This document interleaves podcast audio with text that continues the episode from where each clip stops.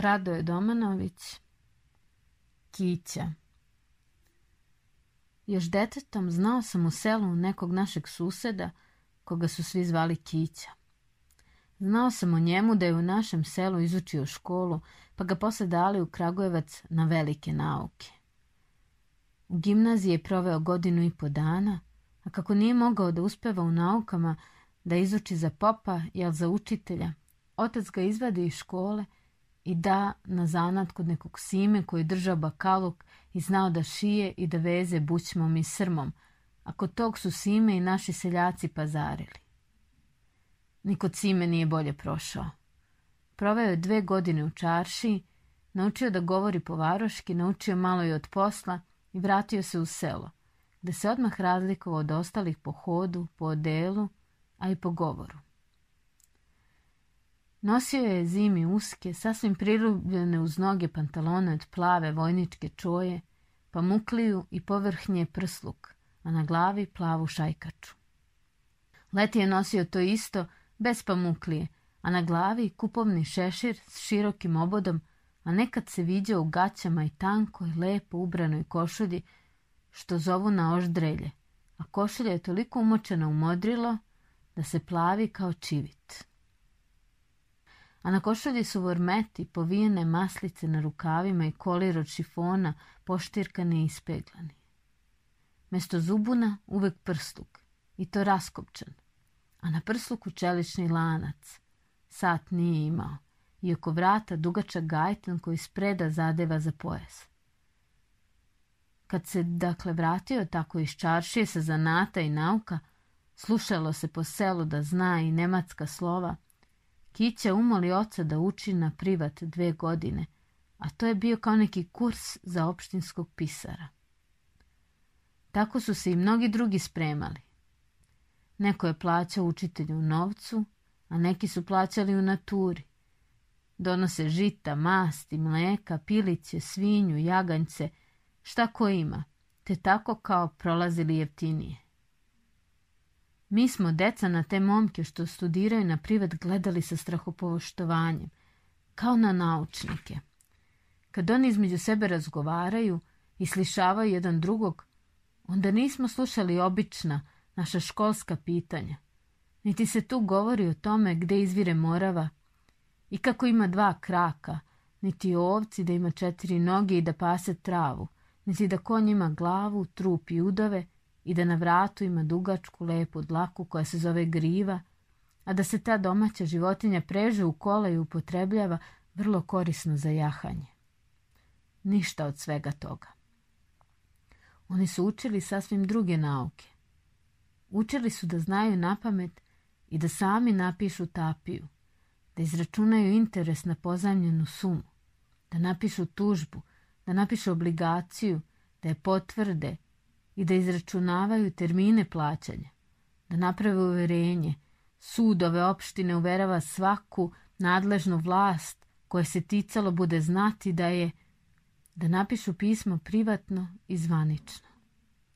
Eto takve su krupne i za nas decu impozantne stvari slušali od onih što uče na privat. I sami seljaci imali su vrlo lepo mišljenje o tom učenju. I svaki bi rekao, Ovo što deca nako redovno uče, to baš ništa. Ako može da da dete da izuči na privat, to vredi mnogo. Zna posle dete što god mu treba da ti svrši posao kid dvokat. A još kad mu je dete razborito, pa se i samo još u opštini isprakticira, onda slobodno ne idi dvokatu. Manja ako imaš para odviše, pa i ne znaš kud da ih poarčiš. Em se dete uputi, pa posle živi rat. Ne mora da privati motiku. Eto Alempija, Vase, pa drugi. I oni su učili na privat i svi su opštinski pisari. Žive za dva sveta. Tako su seljaci, ljudi, o njima mislili, a mi đaci u školi ne samo da smo ih zbog njihove visokoučenosti poštovali, već smo ih se i bojali, jer su nam oni bili kao neki viceučitelji. Kad učitelj ode u lov ili gde u goste ili ima neka druga posla, onda oni zadaju lekcije, slišavaju, kažnjavaju, imaju svu vlast kao učitelji, samo što su morali učitelju podneti opširan referat o propitivanju vladanju učenika i izrečenim kaznama, te učitelj kao vrhovna vlast odobri. Dok je Kića učio na privat, umre mu otac i ostavi mu malo imanje, opterećeno velikim dugom. Majka mu je umrla ranije i kako nije imao nikog više, to je ostao samac, samoran. Kuća njegova oca bila je u selu, a pravo selo bilo je čitavo pola časa udaljeno od kraja gde sam ja odrastao. To je kao neki gospodski kraj. Tu je crkva, škola, mehana, opština, učiteljeva kuća, popova kuća, dućan, vojađinica Matina, naša kuća jedna mala opustela kućica nekog duhanđije koga je slučajno šurak ubio kamenom, a žena mu se posle preudala i odvela sobom dvoje dece, te tako u kući nije stanovao niko. Kako se kića, kao učevan čovek, nije mislio baviti zemljoradnjom, to je napustio očevu kuću i uzeo pod zakup tu opustelu kućicu u gospodskom kraju. Nabavio šivaću mašinu i šio je seljacima zubune, jeleke, kape, krpio pamuklije, šio ženske rekle na struk i uzgred se bavio pisanjem tapija, obligacija, pravio tužbe, pisao privatna pisma i opšte šta je god kome trebalo, Kića mu to izradi za jeftine pare. Kad sam ja detetom bio u selu, njemu je moglo biti nešto više od 20 godina crne masti, koščat, tanak, štrkljastih nogu, sa onim zategnutim pantalonama i umotanim kajšima od opanaka do blizu kolena. Taj nije znao za umor, a mogao je da pešači, što su seljaci govorili, kao pas. Zorom rano tek promakne pored našeg prozora i čuje se njegova pesma. Znao je vele seljaci sve lepe nove pesme iz lire, a ne one seljačke, starinske. Malo prođe, a tek on se vraća natrag i vuče punu torbu mrsa i pogače, ili kakvu ćurku ili kokošku, ili šta bilo tako, samo se nikad ne vraća praznih ruku. Nije ga mrzelo da obleti celo selo po nekoliko puta na dan. Svud stigne. Čas on ode i u drugo selo i u varoš i kudne, samo nije mogao na jednom mestu da je. Kućica u kojoj je živeo, mala, niska, Opala na ođaku se dimi samo zimi, u dvorištu korov. Tu je po poneko usamljeno snuždeno pile ili čurka kauče, a u oboru riška po kakvo pupavo prase, što mu u ime nagrade da seljak za napisano pismo ili neku takvu malu uslugu. Malter od kuće okolo odlepljen, pa ceo izgled budi u čoveku sažaljenje i simpatiju prema kići, tom samoranom sirotanu, kako su ga seljaci često nazivali. Niko ne zna kad pre dođe, kad ode od kuće. Čas čuješ gdje u njegovoj sobi trešti mašina i njegova pesma koja je ličila na besomučno orlikanje, čas ga čuješ gde zviždi, a malo zatim sve nemo, njega nema, otparlao nekud. I čovek misli nije kod kuće, a tek ono zatandrče mašina i razlegne se njegova glasina. Joj, nešto mi se pamet pomerava kanda mi se nova dika javlja. Malo prođe, a tek neko pita kod naše kuće. Gde je kića, bogavi? Tu je. Nema ga, sad ja htedu tamo, pa vrata zaključana. Moja se majka uvek prekrsti i rekne u takvoj prilici. Očasni ga ne ubio. Ne znam kako ga nose one vesele noge. Bože me oprosti, kako da nije sam. Neprođeni sat, a tek iz njegove kuće čujemo pesmu. Rumen ti je kljun golube ju golubice. A zatim zviždanje, pa opet neku pesmu, pa opet zviždanje, pa tek se sve učuti. Pogledamo, a on ode nekud naviše žurno, pa malo zatim čujemo njegovo zviždanje, pogledamo, a on ode naniže. Natema ga bilo, kao zgranovit, prošapuće majka. Nedeljem popodne, kad seljaci dođu u crkvi ili u opštinu, kića nestane. Sa svakim ima ponešto tajno. Tek samo pogledaš, a on po nekog uhvati za kraj od gunja i vuče u stranu. Prošapuće malo sa njim i tek pogledaš, a on već u drugom kraju porte s drugim, dok se okreneš, a on s trećim na trećem mestu.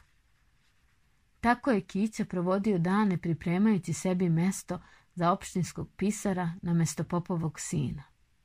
Kao ozbiljan kandidat za to mesto, on je strogo motrio na rad svog suparnika. Hvata mu pogreške, zloupotrebe, ucenjivanja. I sve to, dok si dlan od dlan, on saopšti selu, dospe u svačiju kuću. Seljaci su bili već radi da popovog sina smene, ali njega opet, kako vele, drži načelnik. Pop načelniku daje poklone, pa opet ovaj zavoleo njegovog sina ali Kića je bio uveren da će doći i njegovo vreme. To je više puta javno podviknuo kad se sporečka sa popovim sinom. I živeo je zadovoljno. Seljaci su mu činili. Žale ga svi gde je sam, siroče, pa u čiju god kuću svrati, ne isprate ga praznih ruku. Te kad pođe, zadrži ga domaćica. Kićo, sinko, čekaj da ti dam malo pogače, znam da ti nema ko umesiti. Spremi mu pogače i metne u zastrug sira iz korupa pa doda. Evo i malo smoka, pa kad u dolaznim crkvi ja ću poneti zastrug. Sevap je, a i naše je dete, siroče, doda svaka kad on ode. Negde dobije jaja, negde pile, negde ćurku, negde slanine, suva mesa, što bilo, te ga ne isprate praznih ruku. Tako Kića nije za hranu brinuo. Ima je on svega u kući a i svud su mu kod drugog bila vrata otvorena. Negde ruča, negde večera, negde užina, tek svaki ga ponudi. Samac je, siroče je, svaki pomisli. Sem toga on je lepo zarađivao, a novac je štedao, upravo nije ga ni imao zašto trošiti. Od šivenja veli nije bog zna kakva hasna, ali je dobro zarađivao na pisanju. Radio je i za gotov novac, a i primao je nagradu u žitu, pa sudju, stoci, pa to posle prodaje u varoši i pare ostavlja. Od detinstva nisam ga video nikako do svoga dolaska u selo posle toliko godina. Mesto one male, opale, jadne kuće zatekao sam veliku prostranu kuću ograđenu tarabom. Odmah do kuće veliki koševi, ambari, magaze, štala i druge staje, pred kućom bašta puna lepa cveća a u kraju bašte košnice.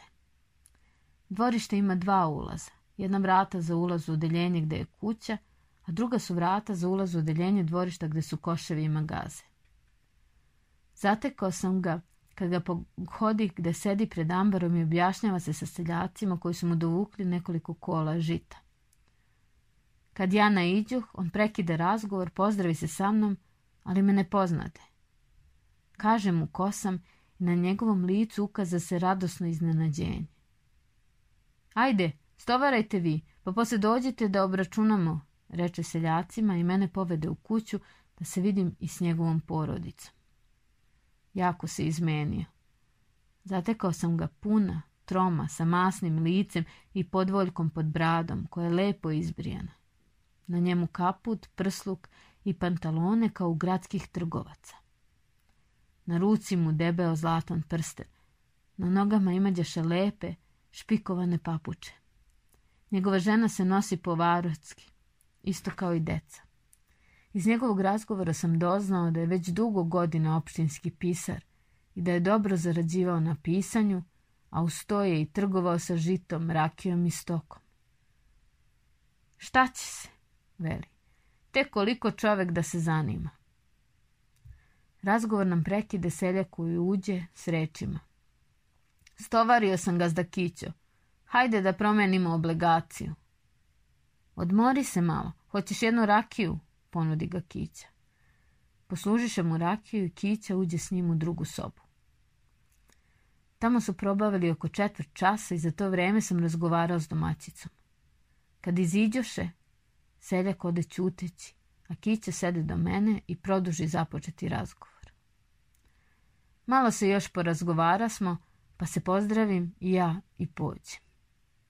Domaćin iziđe da me isprati. Četvorica seljaka su još stovarali, a onaj što je ulazio u sobu kići stajao je krat praznih kola s nekom hartijom u ruci i gledao u zemlju. Iskoškani volovi leže uz jaram i preživaju, a on stoji tako kraj kola, oborene glave, zamišljen, snužden.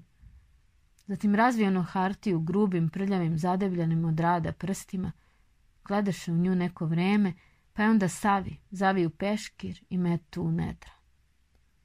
Dobro je, Stevane, dobro je, ne brini, veli mu kića. Jadno mi moje dobro kad pogibo radeći dovlačeć ranu, a glavnica jednako stoji. Ajde, koš sivo, viknu zatim i udari ljutito vola. Šta ćeš? Ja bi voleo da mi nisi dužan, velikića. Koš, koš, viče Stevan volovima i podiže jara. Volovi poslušno uvukoše sami vratove u jara. Steva udari palice u zelanac kojim su vezani volovi i povede ih. Kola zakrckaše i Stevan iziđe tako, ćuteći bez zboku.